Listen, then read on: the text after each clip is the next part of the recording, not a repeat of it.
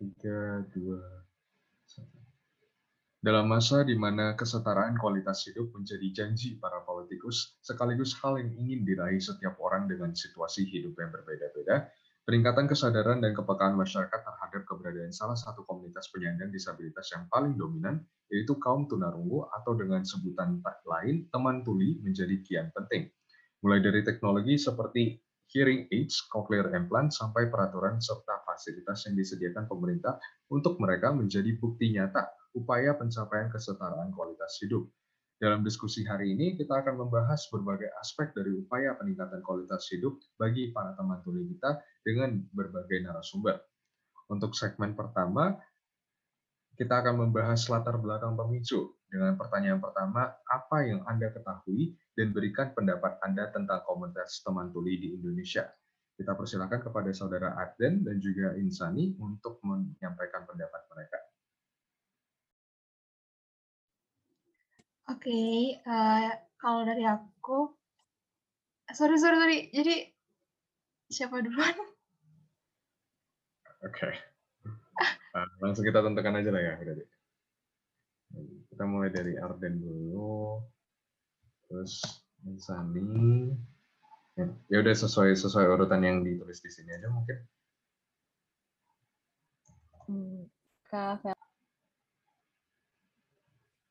untuk topik pembahasan pertama, kita akan membahas tentang latar belakang pemicu masalah. Pertanyaan pertama, apa yang Anda ketahui dan berikan pendapat Anda tentang komunitas teman tuli di Indonesia? Dari Arden maupun Insani, kami persilahkan untuk memberikan pendapatnya. Iya, uh, kalau dari aku sih, yang aku tahu komunitas teman tuli Indonesia itu udah banyak banget, uh, kayaknya udah dari hampir dari Sabang sampai Merauke, dari setiap kota itu udah ada komunitas teman tuli. Yang aku tahu juga komunitas teman tuli ini didirikan, uh, oleh beberapa segelintir orang yang punya awareness terhadap, orang-orang yang punya keterbatasan gitu. Jadi mereka, mereka mendirikan, uh, komunitas untuk, teman-teman tuli ini dan uh, bersyukur banget uh, inisiatif inisiasi mereka itu diterima banyak diterima dengan baik oleh masyarakat. Jadi komunitas teman tuli ini makin berkembang dan setahu aku juga mereka banyak mengadakan kegiatan-kegiatan uh, yang yang ini sih yang kayak semakin memperkenalkan orang-orang uh, yang yang punya keterbatasan kepada masyarakat itu. Jadi uh, paparan masyarakat terhadap orang-orang yang tunarungu ini uh, jadi lebih ada sih gitu aku setuju sih dengan pendapat Kak Insani tadi. Di Indonesia menurut aku juga udah cukup banyak sebenarnya komunitas teman tuli. Apalagi ya cukup sesuai lah dengan jumlah teman tuli kita di Indonesia yang juga cukup banyak. Aku yang aku mau tambahin itu sekitar yang aku tahu sekitar 4 dari 1000 orang itu uh, orang teman tuli.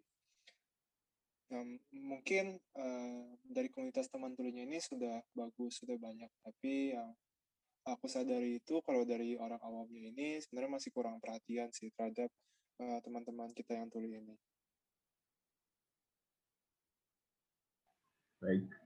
Pertanyaan kedua, menurut Anda apa hal yang melatar belakangi kesenjangan antara kualitas hidup seorang tunarungu dengan orang-orang pada umumnya? Kami persilakan Saudara Arden. Oke, terima kasih. Menurut saya dari yang uh, saya dengar-dengar dan juga uh, cerita dari baik dari uh, ada beberapa teman saya yang kebetulan antara uh, merupakan tunarunggu atau uh, sering bekerja dengan uh, orang tunarunggu atau teman tuli itu menurut mereka uh, masalahnya adalah orang-orang awam masih melihat teman tuli itu uh, sebagai orang yang tidak normal atau memiliki cacat padahal uh, tuli ini sebenarnya bisa dibilang hanya salah sebuah identitas uh, budaya mungkin ya. Ini sama saja seperti uh, misalkan kalau kita berbicara agama atau uh, etnis itu menurut saya juga uh, tidak beda jauh. Menurut saya tidak harus dilihat sebagai sesuatu kecacatan. Dan ini orang-orang uh, masih lihat seperti itu. Jadi uh, mungkin ada beberapa yang kurang menghormati atau mungkin bingung atau takut berinteraksi dengan mereka. Mungkin tidak tahu juga caranya ya nanti mungkin bisa dieksplor lagi mengenai isu itu. Kedua juga karena menurut saya uh, untuk kualitas hidupnya itu menurut saya bisa dilihat di media ya. Karena media kita kebanyakan uh, menggunakan suara apalagi sekarang kan semuanya video. Nah, uh, oleh karena itu yang teman-teman tuli ini kalau tidak ada subtitle atau tidak ada penerjemah bahasa isyarat ini akan kesulitan untuk mengakses media dan bahaya lagi kalau medianya ini media pendidikan sehingga kan sulit untuk mendapatkan uh, uh, konten pendidikan yang bermanfaat. Mungkin saya tambahkan. Uh, ya sih, aku setuju sama yang uh, disampaikan Kak Arden tadi. Uh, tapi uh, setahu aku juga kesenjangan antara orang-orang dengan dengan orang-orang yang tunarungu dengan orang normal umumnya mungkin uh, ini sih ya kayak mungkin kayaknya mungkin orang-orang tunarungu ini mereka ini sih kayak mereka takut gitu. Mereka takut untuk berinteraksi berinteraksi dengan masyarakat mereka takut untuk menunjukkan diri mereka gitu. Jadi uh, penting buat kita supaya meningkatkan kepercayaan diri mereka supaya mereka uh, membatasi diri mereka mereka mau berinteraksi dengan masyarakat.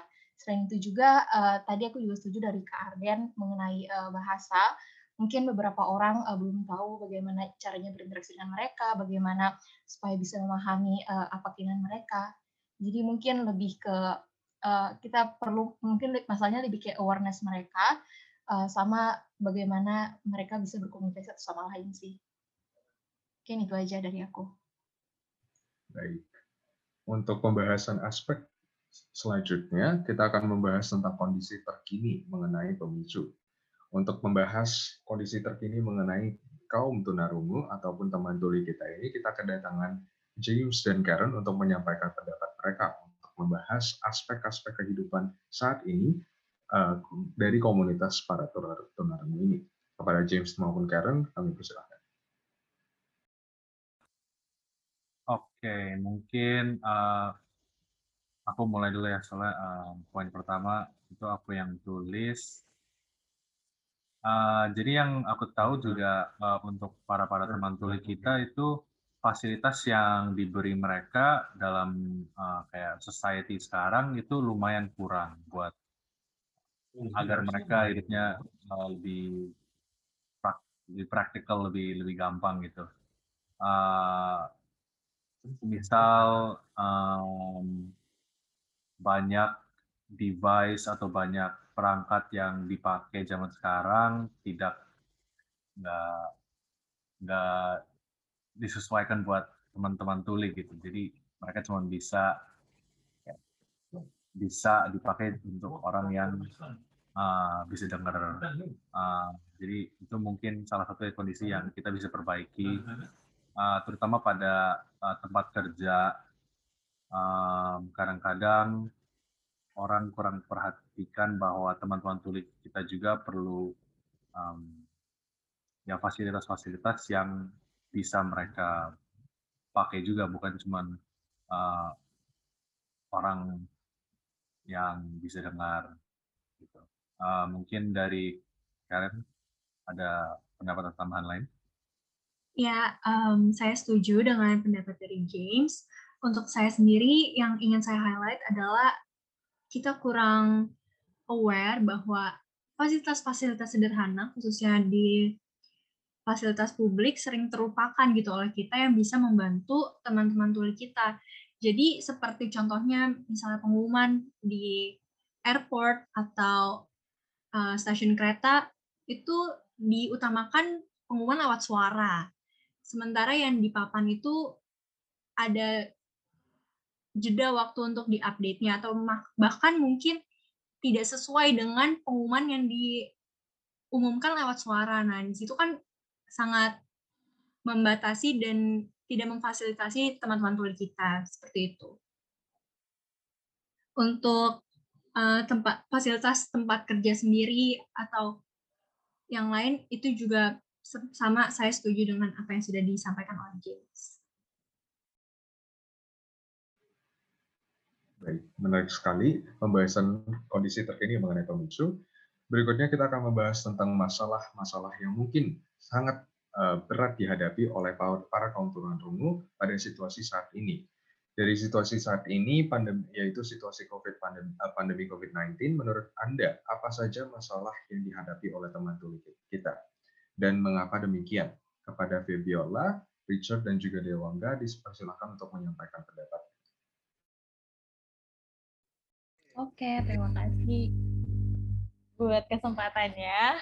Uh, mungkin kalau dari aku yang pertama pengen aku sampaikan adalah kalau dari situasi kita saat ini ya, yang paling sering aku lihat itu karena kita lagi pandemi, jadi kita ke mana-mana harus pakai masker kan. Sedangkan salah satu sumber informasi kalau misalnya lagi kita berkomunikasi dengan teman-teman tuli itu adalah gerakan dari mulut kita sendiri. Tapi ketika ketika kita lagi pakai masker, itu kan tertutupi semua ya. Jadi uh, mereka juga pasti ada kesulitan untuk berkomunikasi dengan kita, apalagi di saat-saat seperti ini sih.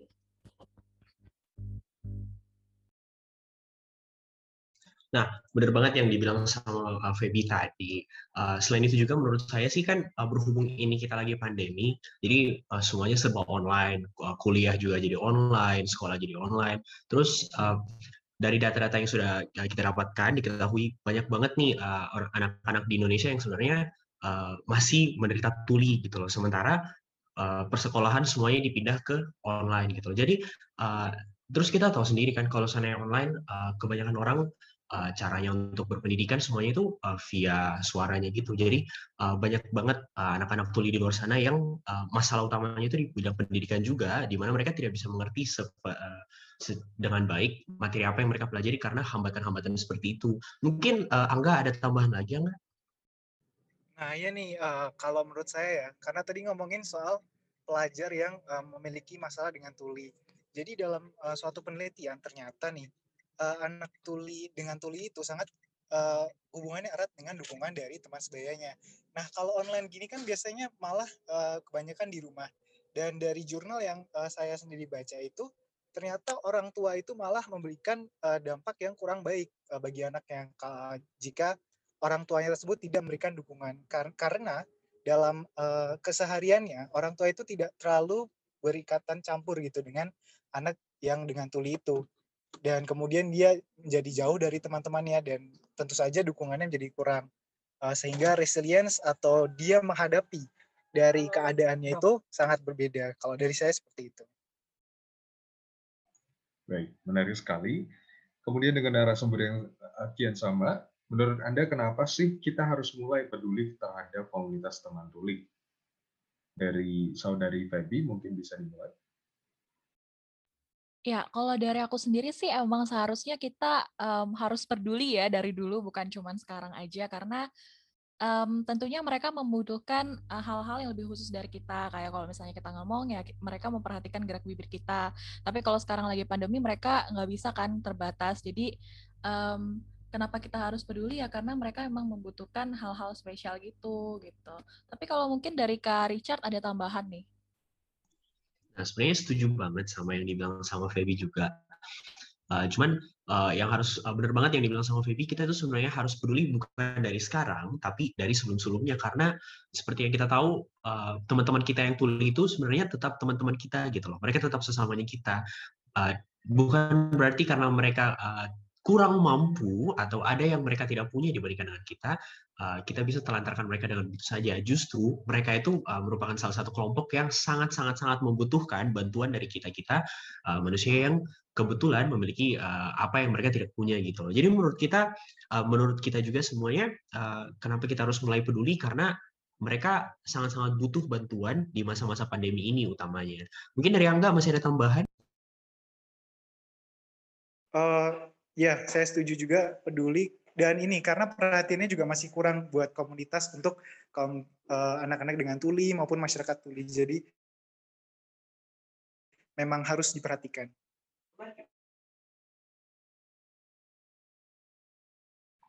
Baik, kita sudah mencapai akhir dari diskusi eh, kepada teman-teman kita, teman-teman sumber kita Tata dan juga Aisyah. Kira-kira ada nggak sih plan of action berupa saran untuk masyarakat terhadap apa yang bisa kita lakukan untuk teman tuli pada saat ini. Oke, okay, um, mungkin dari aku dulu ya.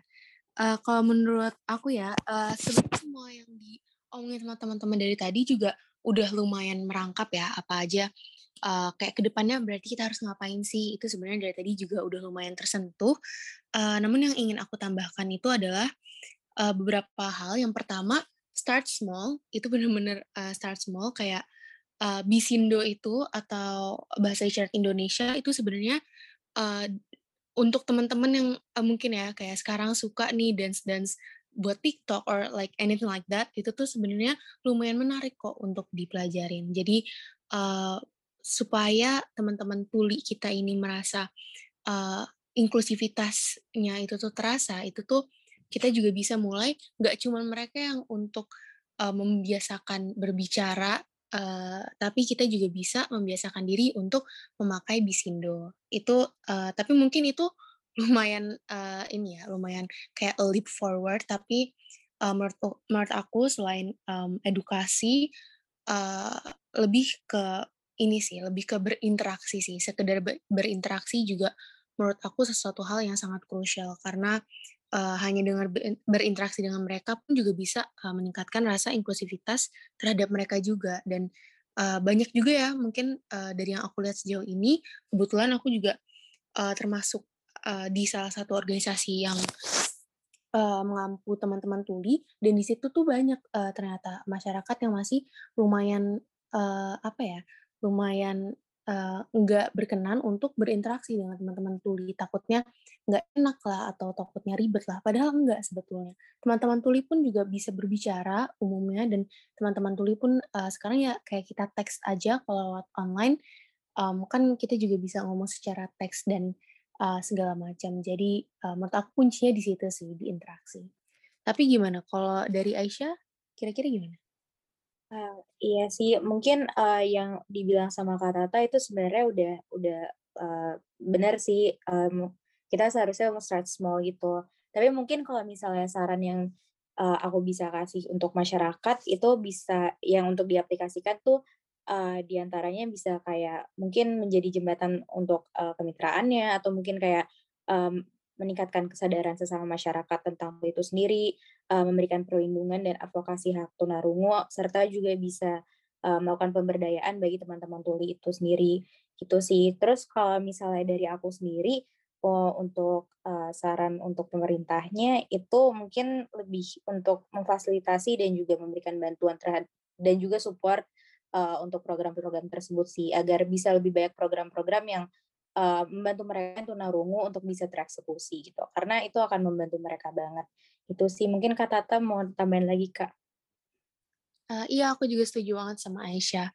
Mungkin selain um, bantuan berupa sarana prasarana uh, menurut aku yang lebih uh, krusial lagi apalagi zaman uh, saat ini ya saat pandemi banyak juga yang uh, hilang pekerjaan hilang lapangan pekerjaan ini juga sangat penting untuk pemerintah ini tuh benar-benar mensupremasikan uh, peraturan untuk uh, ini membuka lapangan kerja untuk teman-teman tuli, tapi nggak uh, hanya teman-teman tuli ya, tapi juga disabilitas secara umum. Karena menurut aku juga itu merupakan suatu hal yang krusial. Jadi bukan hanya membantu mereka dalam sarana prasarana, tapi juga membantu mereka untuk uh, merasa inklusif. Sekali lagi kata-kata uh, itu lagi, merasa inklusif di komunitas kita sendiri gitu. Jadi uh, benar-benar menciptakan lingkungan hidup yang juga nyaman dihidupi oleh mereka dan kita semua. Gitu sih. Baik. Pembahasan hari ini sangat menarik, dimulai dari masalah-masalah yang dihadapi para teman tuli hingga bukti nyata upaya pemerintah dan juga pihak swasta dalam membantu para teman tuli beserta plan of action yang komprehensif dan juga realistis. Kami harap pembahasan hari ini dapat memberikan pemahaman yang baru mengenai kehidupan para teman tuli dan juga upaya-upaya yang dapat dilakukan oleh kami atau oleh kita sebagai masyarakat untuk membantu meningkatkan kualitas hidup komunitas ini. Kami juga berharap diskusi hari ini dapat meningkatkan kesadaran masyarakat mengenai keberadaan komunitas ini dan juga bersama-sama mengupayakan langkah-langkah penting dalam membantu teman tuli. Sekian diskusi pada hari ini. Kami berterima kasih kepada para narasumber yang sudah menyampaikan pendapat dan kami kelompok ASEAN pamit undur diri.